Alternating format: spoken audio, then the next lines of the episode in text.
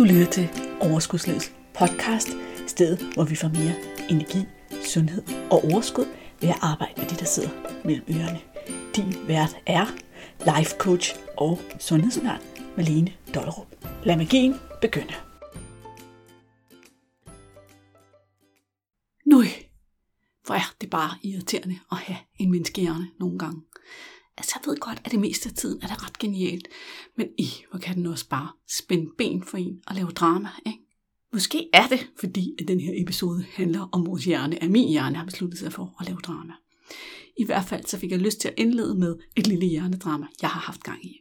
Det er sådan, at den her episode handler i virkeligheden om nogle ting, jeg delte på et foredrag. Men efterfølgende har jeg også holdt et kortere foredrag, et webinar hos Sevio på en halv time. Det her webinar, det har du måske lyttet til, for der var faktisk næsten 3.000, der tilmeldte sig til at høre det her webinar. Og det betyder, at du synes måske, at noget af det, jeg siger i dag, det har du lige hørt. Og hvis du tænker det, så er det faktisk rigtigt. Og det har haft en masse drama fordi kan jeg nu tillade mig at udgive en podcast, hvor jeg nærmest lige fortæller dig det samme. Gider du overhovedet høre det samme, som du lige har hørt? Er det ikke lidt fjollet at gentage det, når nu der er så mange tusind andre ting i verden? Min hjerne har spundet rundt i drama. Men på et tidspunkt er vi jo nødt til at stoppe vores eget drama og se lidt stille og roligt på tingene. Og det jeg fandt ud af, det var, for det første, så ved jeg jo, at vores hjerner har brug for gentagelse, gentagelse, gentagelse. Jo flere gange vi får gentaget noget, jo bedre sidder det fast, jo bedre forstår vi det. For det andet må jeg også sige, da jeg sad efterfølgende og klippede det, og lyttede på, hvad jeg delte, så deler jeg faktisk en del ting, som ikke kom frem på CVU-webinaret. Jeg skal nok sætte et link til CVU-webinaret, hvis du har lyst til at se det, det sidder nede i episodenoterne, sammen med nogle ret gode links til nogle episoder, der supplerer den her episode rigtig godt. Men ellers så jeg bare sige, jeg synes, du skal lytte med. Især så synes jeg, du skal spidse ører, når vi når til den del af podcast-episoden, hvor vi kommer til at tale om, hvad det er for tre benspænd, som din hjerne rigtig ofte stiller op for dig, og hvad du kan gøre ved dem. For jeg giver dig faktisk en helt konkret opgave, som du kan lave efter den her sådan, podcast. Så det er en rigtig hjælp til selvhjælp episode. Er du klar på den? Er du med?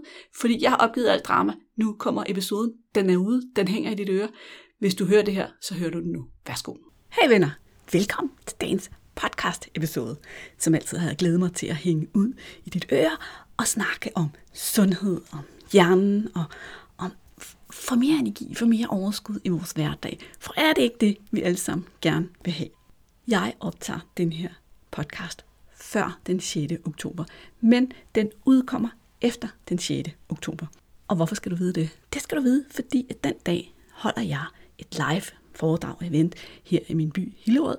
Og til dig, som synes, at der er alt for langt til Hillerød, til dig, der ikke havde mulighed for at komme, der har jeg lavet en lille opsummering af, hvad jeg kommer til at sige på det foredrag. Og det betyder også, at for dig, som har hængt ud her i podcasten længe, så vil du formentlig høre gentagelser af noget, som du allerede har ind under huden, og få nogle nye perspektiver. Og for dig, der er ny her, vil du få en god og grundlæggende introduktion til, hvordan det her med at forstå vores hjerne, og samarbejde med vores hjerne, og udnytte vores hjernes små finurligheder, kan gøre det meget nemmere at blive lidt sundere, og få noget mere energi, og skabe noget mere overskud til alt det i livet, vi holder af. Er du med på det? For hvem herinde, hvem ude i verden vil ikke gerne have mere energi? De kalder mig sundhedsnørden. Altså, mine tre børn gør i hvert fald. Men de er også i alderen 16-22 år, så der skal heller ikke meget til. Man skal nærmest bare spørge dem en gang imellem, om de ikke vil have en gulerod, eller have lidt flere grøntsager på tallerkenen end gennemsnittet, eller insistere på grøntsager til aftensmad, som jeg gør. Eller sige, vi skal da have grovpasta i stedet for den hvide pasta, så er man en total sundhedsnørk freak. Nu er det jo sådan, at hvis jeg skal være helt ærlig, så ved jeg jo godt, at jeg selv siger i introen til den her podcast, at jeg er lidt af en sundhedsnørd, fordi jeg har altid interesseret mig for det.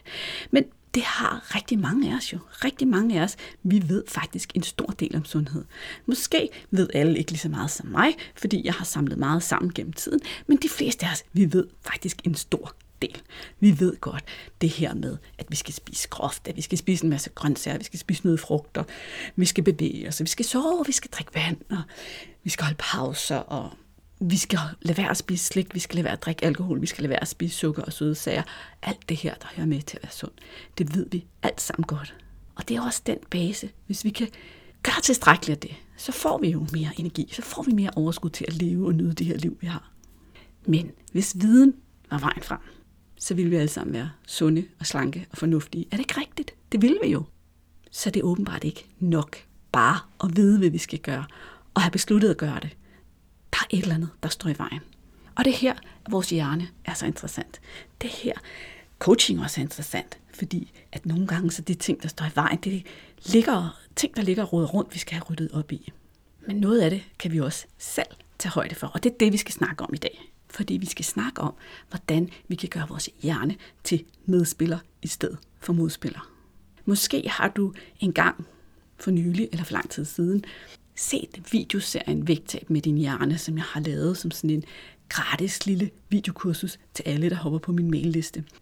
Der snakker jeg en lille smule om hjernen, men i dag der kommer, får du nogle andre aspekter. Hvis du ikke har set videoserien, så snop lige adgang via linket i episodenoterne og få fingre i videoserien. Det er videoer på omkring 10 minutter stykket, du får en hver dag, så det er rimelig overkommeligt at komme igennem, men de fleste de bliver ret begejstrede for det grundviden, de får i den videoserie. Tilbage til sporet, Malene. Hjernen. Vi skal forstå vores hjerne. Vi skal forstå nogle ting om vores hjerne, fordi det gør det meget nemmere at være sund uden de store anstrengelser. Yes. For det første skal vi forstå, at vores hjerne både har en helt primitiv del, og så har den sådan en udviklet klog del. Og den her udviklede kloge del, det er i høj grad den, der adskiller os fra alle de andre dyr. Det er den, der gør, at vi kan tænke strategisk, og vi kan holde mange bolde i luften, og vi kan tænke fremtid, og vi kan tænke fortid. Vi kan drømme om mål og ting, vi gerne vil opleve, opnå, og vi kan se os selv ude i fremtiden, og vi kan handle nu til fordel for vores fremtids-jeg. Den er rigtig, rigtig smart. Og så har vi den her sådan, mere primitive del, som minder mere om dyrenes, som kører mere på en slags autopilot, og som i høj grad også er designet til at sikre vores overlevelse. Hvis man skal sige det sådan meget simpelt, så gør den det med tre styringsparametre, som sikrer din overlevelse. Det ene er søg nydelse.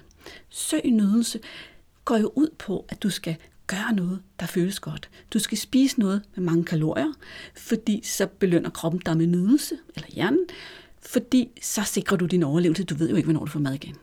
Altså, i hvert fald dengang hjernen blev designet.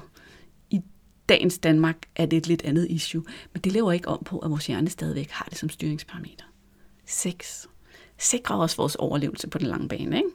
Menneskehedens. Ligge i en varm, tryg seng, når man er træt og lægger sig til at sove. Er det ikke også nydelse?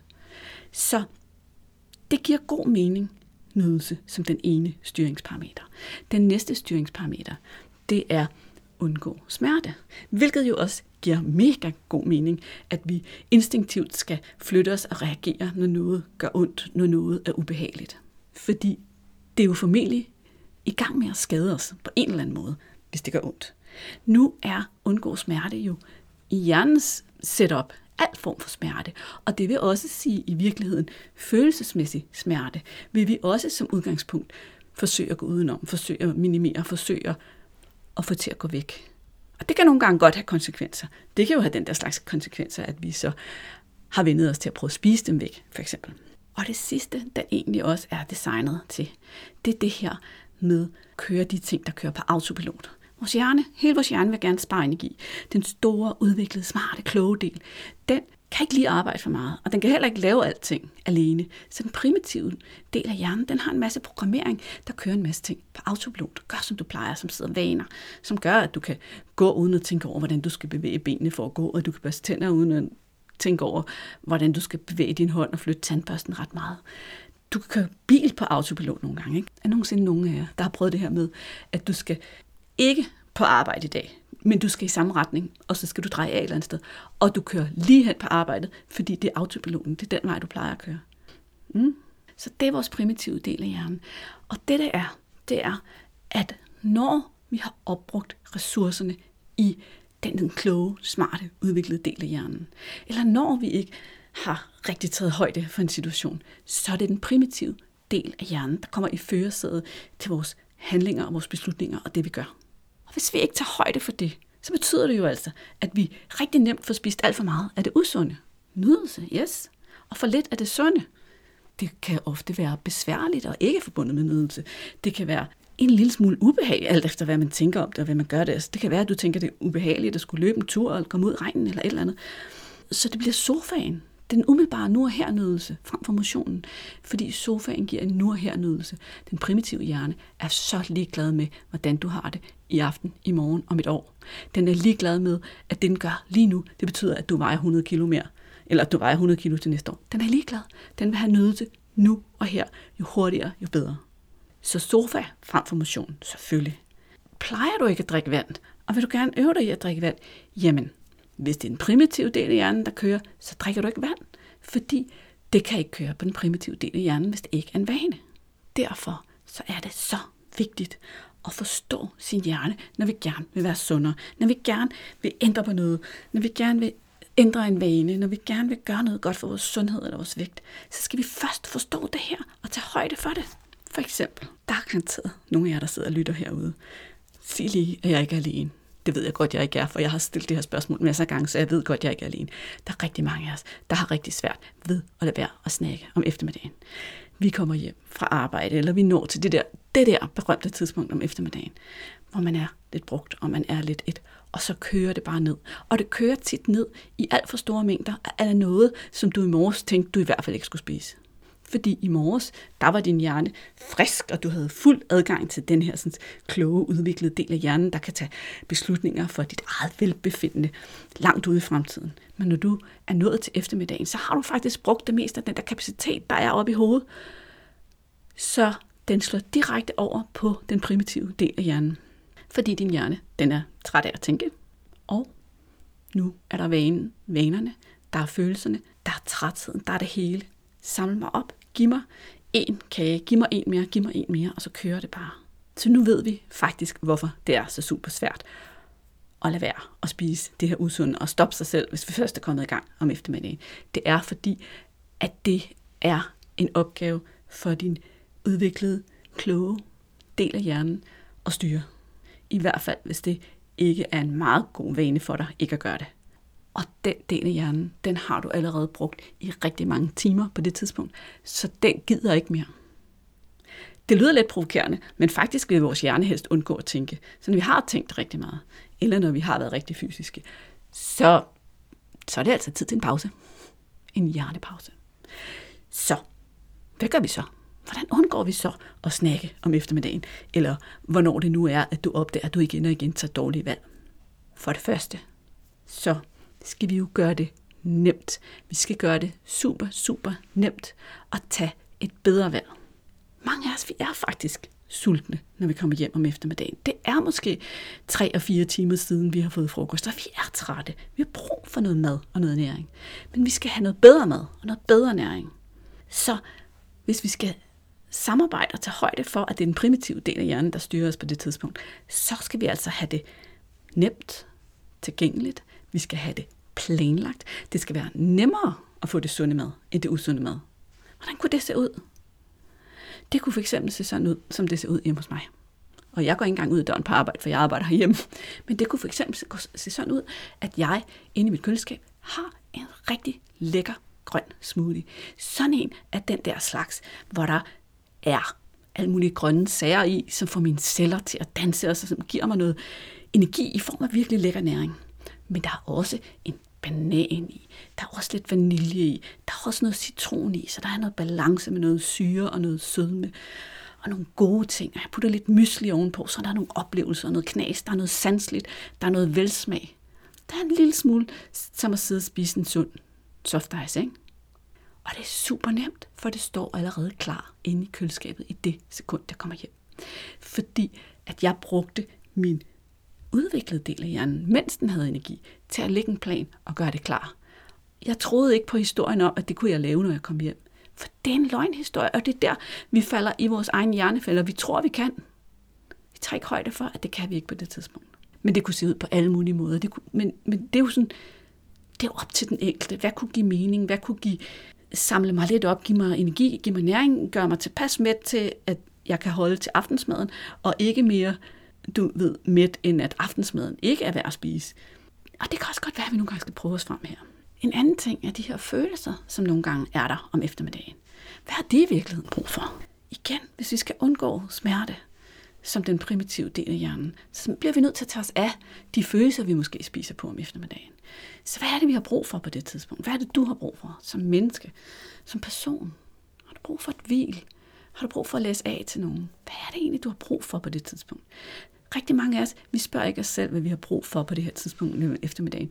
Vi fortæller os selv, at der er ikke plads, der er ikke rum til at slappe af og tanke op og give os selv det, vi har behov for.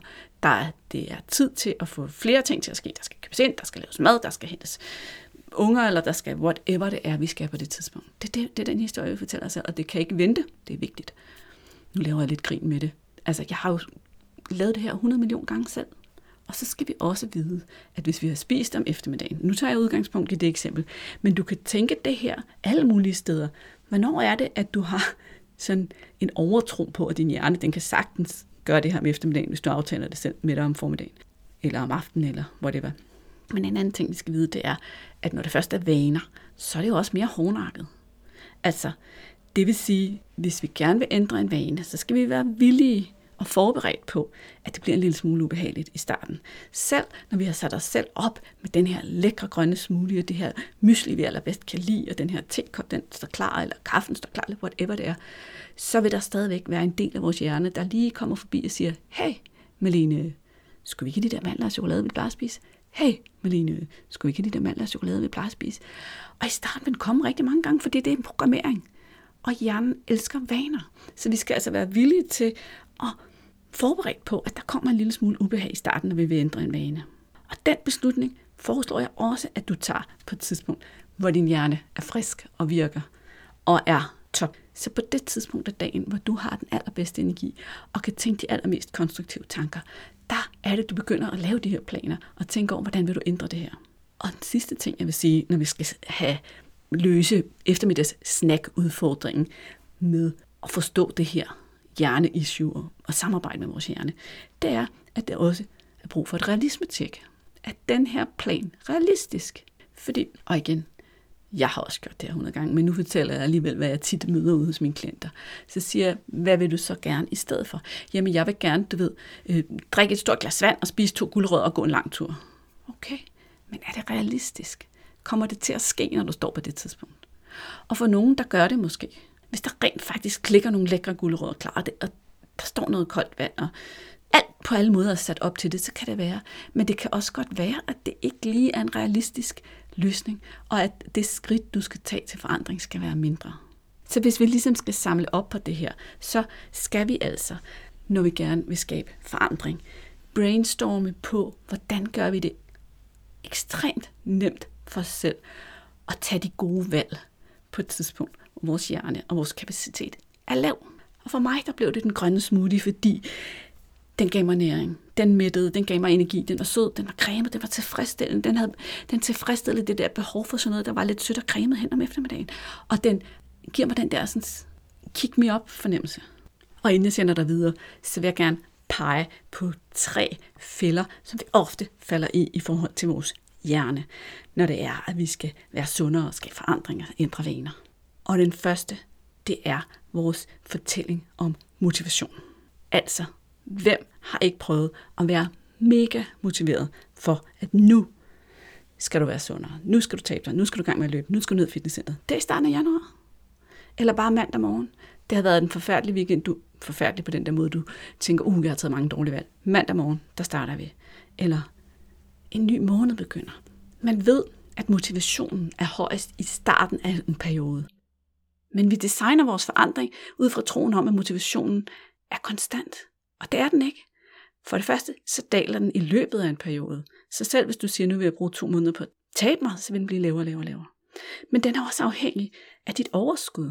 Og din viljestyrke er afhængig af dit overskud.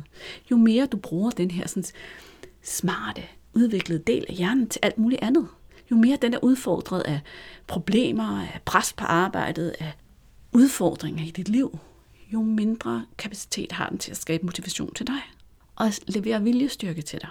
Så når vi skal lave en forandring, når vi skal være sundere, når vi skal ændre vaner, så skal vi bygge dem på en måde, så det ikke alene er blevet båret oppe af motivation.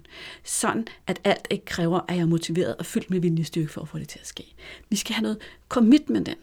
Og måske skal vi også lave en lille brainstorm på vores motivation. Ofte så har vi én ting på motivationslisten, måske to.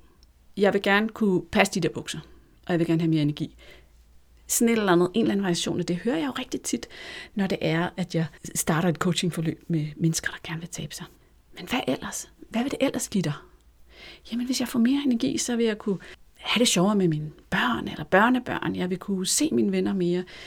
Og hvis jeg bliver mindre, så vil det være sjovere at cykle, og jeg vil kunne komme mere ud, eller jeg vil føle mig godt tilpas til møderne på arbejdet, eller når jeg går ud med veninderne, eller det vil være rart at bruge min krop. Og måske vil jeg få et bedre sexliv. Jeg vil føle mig godt tilpas, når jeg er ude at shoppe. Der kan være 10.000 ting, som du egentlig kan få ud af at ændre nogle vaner og blive sundere. Og hvad nu, hvis du havde alt det stående et eller andet sted på en liste, du kunne gå hen og kigge på? Nå ja, jeg vil gerne være et godt forbillede for mine børn eller børnebørn. Nå ja, nogle af de andre ting, der også kan bære dig igennem, så du ikke kun har én motivation. Fordi hvis du kan også godt huske, hvad siger din primitive del øh, af hjernen, den er ligeglad med den der nydelse helt derude i den anden ende. Den vil have nu og her nydelse. Og derfor er motivationen heller ikke nok. Det andet hjernebenspænd, vi har, eller den anden hjernefælde, vi går i, det er, at vi har en utrolig optimistisk tro på vores egen evne til at eksekvere. Alene ud fra vilje og beslutning. Jeg vil give dig et eksempel. Jeg har lige siden folkeskolen været en hurtig spiser. Jeg fik skæld ud i spisefrikvarteret af min lærer, fordi jeg altid spiste så langsomt, og jeg kunne ikke nå ud i spisefrikvarteret. Så det var, spis, spis, spis Malene, vi skal ud og spisefrikvarteret. Så jeg lærte at spise hurtigt. Jeg ved ikke, om det er derfra. Det er i hvert fald en historie, jeg fortæller mig selv. Og jeg har altid spist hurtigt. Og med jævne mellemrum, så er jeg blevet præsenteret for historien om, hvorfor det er godt at spise langsommere. Det er godt for min fordøjelse, som i øvrigt driller mig nogle gange. Det er godt for min nydelse af maden. Det er godt for, at jeg kan nå at mærke min mæthed. Der er tusind årsager til, at det er godt at spise langsommere. Så jeg har hørt den her historie og tænkt, ja, det vil jeg gøre. Det skal jeg gøre fra nu af. Næste gang jeg sætter mig ned og spiser, så spiser jeg simpelthen langsommere. Det er det perfekte eksempel på vores egen optimistiske tro på, at vi da sagtens kan eksekvere ud fra en beslutning. For skete det nogensinde? Det sekund, jeg satte mig ned til bordet, havde jeg glemt alt om det. Hvis det, hvis det var virkelig tæt på et måltid, så skete det måske lige i starten af måltidet, eller til det ene måltid, og så glemt det igen. Så alle de her ting vi skal spise langsomt, eller vi skal leve, eller vi skal nyde, eller vi skal mærke efter, eller alt muligt andet. Nu skal jeg i gang med at løbe tre gange om ugen, eller whatever det er. Vi tror, at det er nok at tage beslutningen. Det er det ikke. Vi skal finde ud af, hvordan vi kan gøre det nemt for os selv. Hvordan vi kan gøre det oplagt for os selv. Hvordan vi kan huske det i det sekund, vi står i situationen. Det tredje benspænd fra din hjerne, den tredje fælde fra din hjerne, jeg lige vil give dig med, det er vores optimisme kombineret med utålmodighed. Hånden op. Det var mig, der rækte hånden op. Hvis du også kender til utålmodighed og optimisme. For det gør jeg. Jeg kender så meget til utålmodighed, at det faktisk i mange år var en ting, jeg i tale satte, når jeg var til jobsamtale, at de sagde, Nå, hvad er så dine mindre gode sider? Ja, jeg er jo ikke så tålmodig. Jeg er lidt utålmodig, sagde jeg så. Og det er selvfølgelig en fordel nogle gange, når opgaverne skal være færdige. Bla, bla, bla, hvad man nu siger til sådan en samtale. Men i virkeligheden er det jo et kæmpestort benspænd. Fordi det, der sker, når vi gerne vil lave forandring, det, der sker, når vi gerne vil være sunde, det er, at vi tager alt for store skridt, at vi prøver at ændre alt for meget, vi gør alt for meget på én gang. Og det sætter vores hjerne totalt på overarbejde, så, så snart hjernen skal bruge sin kapacitet et andet sted, bum, tilbage til start. Og så sidder vi der og er mislykket, og banker os selv oven i hovedet, og begynder at tro, at vi ikke kan finde ud af noget. Så det er altså vigtigt, at når vi beslutter os for at forandre noget, når vi beslutter os for at forandre, lave nogle sundere vaner, at vi så igen tager det her realitetstjek. Er det realistisk det her? Er det nemt? Er det overskueligt? Og kuren her, den er altså små skridt. Små skridt. Og fokus på, hvad er det for en indsats, der får bolden til at rulle? Hvad er det for en, en ting, jeg måske kan gøre, som er overskuelig, og som måske vil give mig lidt mere energi? Jeg synes, hvis du har hørt Sus, øh, podcasten med Sus og de 22 kilo, så giver hun faktisk et rigtig godt eksempel på det. Hun beslutter sig for, at hun vil være sådan en, der går en tur hver dag. Og det hun gør, det er, at hun siger, det er lige meget, hvor kort den tur er. Om jeg så bare går ned til enden af vejen og tilbage igen, så har jeg gået en tur. Så nu har vi jo taget et realitetstjek. Okay, det er muligt for mig altid at gå til en sko på, gå ud af døren, gå ned til enden af vejen og tilbage igen. og vi har begyndt at skabe et nyt selvbillede. Jeg er sådan en, der går en tur. Og det her, det gav, fik jo en bold til at rulle for hende. Hun fik mere overskud, hun fik mere energi, hun fik mere tro på sin egen evner til at gøre noget godt for sig selv. Og så rullede det. For andre kan det være at starte med at blive bedre til at drikke vand. Fordi når vi begynder at drikke mere vand, så får hjernen mere energi, vi får mere energi. Vores sult og mæthed er nemmere at mærke, når vi ikke er dehydrerede, så vi tror, at det jeg mærker, det er sult, når det i virkeligheden er tørst. Der er mange, mange gode grunde til at drikke mere vand. Det kan også være en ting, der kan få bolden til at rulle. Og så også have fokus på vores sejre, have fokus på vores succeser. Så hver gang, at vi er utålmodige, så har vi tendens til at glemme alt det, der allerede er forandret, alt det, der er gået godt. Og hvis vi skal undgå det her tredje benspænd fra hjernen, så skal vi altså have realitetstjekket ind, og så fejre. Få øje på vores succeser hele tiden. Hvis du ved at flytte slikket fra skuffen inde i køkkenet ud i garagen, ender med kun at spise 70% af den mængde slik, du plejer at spise, så er det en succes. Så er det ikke en fiasko, fordi du stadig spiser slik. Så er det en succes. 30% mindre. Hvad bliver det ikke til på et år? Det er sådan, vi fokuserer på vores sejre. Hvis du havde været til stede ved det fysiske event i Hillerød, så vil du undervejs i det her sådan, indlæg have fået nogle opgaver. Nu er det jo en podcast, og så kan jeg ikke på samme måde involvere dig og stille spørgsmål undervejs og tage fat i dine specifikke issues. Men jeg vil sige til dig, at hvis du havde siddet på stolen nede i galleriet den torsdag aften, så havde jeg nu spurgt dig om noget. Jeg havde bedt dig om at tale med din sidemand om, hvad er en ting, som du kan forestille dig at forbedre i forhold til din sundhed lige nu, så du kan få mere energi? Hvad er en overkommelig ting, som måske kan få den bold til at rulle?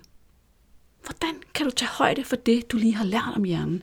Hvordan kan du tage højde for, at du ved, at nogle gange, så bliver det den primitive del af hjernen, der styrer det, du gør. Så det skal være nemt og overkommeligt. Hvordan kan du tage højde for de tre benspænd, som du lige har lært, at din hjerne giver dig, nemlig at din motivation og viljestyrke ikke er konstant. At vores evne til at eksekvere og gøre noget andet end det, vi plejer, er langt lavere, end vi normalt tror. Så vi skal indbygge noget, der stopper autopiloten og får os til at lave den handling, vi gerne vil lave. Og hvordan kan du skabe et skridt, lave en forandring, der ikke bliver slået ihjel af din egen optimisme og utålmodighed, der er realistisk at få til at ske, og alligevel få bolden til at rulle. Nu har du muligvis ikke nogen sidemand. Hvis du har, så stopper du jo bare podcasten, eller den er alligevel færdig lige med, og snakker med ham eller hende om det. Så kan I få en super god, spændende snak lige her. Hvis du ikke har, jamen, så sæt dig ned, svar på spørgsmålene, stille og roligt, måske med en notesbog, eller måske skal du bare slukke alt, hvad du har, hvis du kører bil eller noget andet og hører podcast, og så lige sidde og tænke over det, du har lært i dag. Hvordan kan du sætte det, du har lært i dag i spil? Fordi så længe vi bare lytter, så længe vi bare samler viden, så får vi ingen forandring. Og det er faktisk utrolig frustrerende at vide rigtig meget, og ikke opnå forandring. Ligesom vi ved alt det her om, hvad der skal til for, at vi bliver sunde, men vi ikke gør det. Super, super frustrerende. Det begynder at blive meget sjovere at være os, når vi begynder at sætte vores viden i spil. Og det er det, jeg vil invitere dig til nu her i dag, efter at have lyttet til den her podcast-episode. Har du en specifik ting omkring sundhed, som du synes er virkelig svært at få til at passe ind i den her kasse eller den her ramme, jeg har sat, eller du bare ikke kan finde et svar på den af dig selv, så kunne jeg godt tænke mig, at du skrev til mig. Så finder du simpelthen lige ud af at kontakte mig og skrive, jeg går og pusler med det her, men jeg kan ikke få det til at ske. Det kunne jo være super skægt at lave en opfølgende podcast, hvor jeg så gav dig og alle andre, der sidder med det samme, noget, noget input, noget sparring, noget guidance omkring det her. Altså, du behøver ikke optræde i podcasten, selvom det er du også velkommen til. Du kan bare skrive det til mig, og så skal jeg nok lave en podcast til dig, som giver dig svar på noget af det her. Det var da dagens tilbud, var det ikke? Så nu er der ingen undskyldning for ikke at handle. Nu er der ikke nogen undskyldning for ikke at sætte det i spil. Du er inviteret til at gøre det her for dig. Tjek episodenoterne, hvis du skal have en lille opsamling af alt det her, jeg har sagt, og de tre spørgsmål. Og så læn dig tilbage. Glæd dig til, at vi hænger ud i døre igen rigtig snart. Og hvis du ikke allerede har gjort det, så sørg lige for at abonnere på podcasten, hvor du end lytter til den, så du helt sikkert får de nye episoder ind i dit feed og får dem hørt eller meld dig på den der messenger-tråd, hvor der kommer en messenger ud hver gang, der kommer en ny podcast. Det står også i episodenoterne. Der er lige et link, man kan klikke på. Super nemt. Så er det bare tilbage at sige, vi hænger ud i dit øre igen snart. Kan du have det godt så længe? Hej hej. Hey, inden du løber, glem ikke at abonnere på podcasten, så du ikke går glip af en eneste episode. Og skulle du have fingre i den gratis videotræningsserie Vægtab med din hjerne, så smut ind på overskudsliddk videoserie så lander den første video i din indbakke i dag.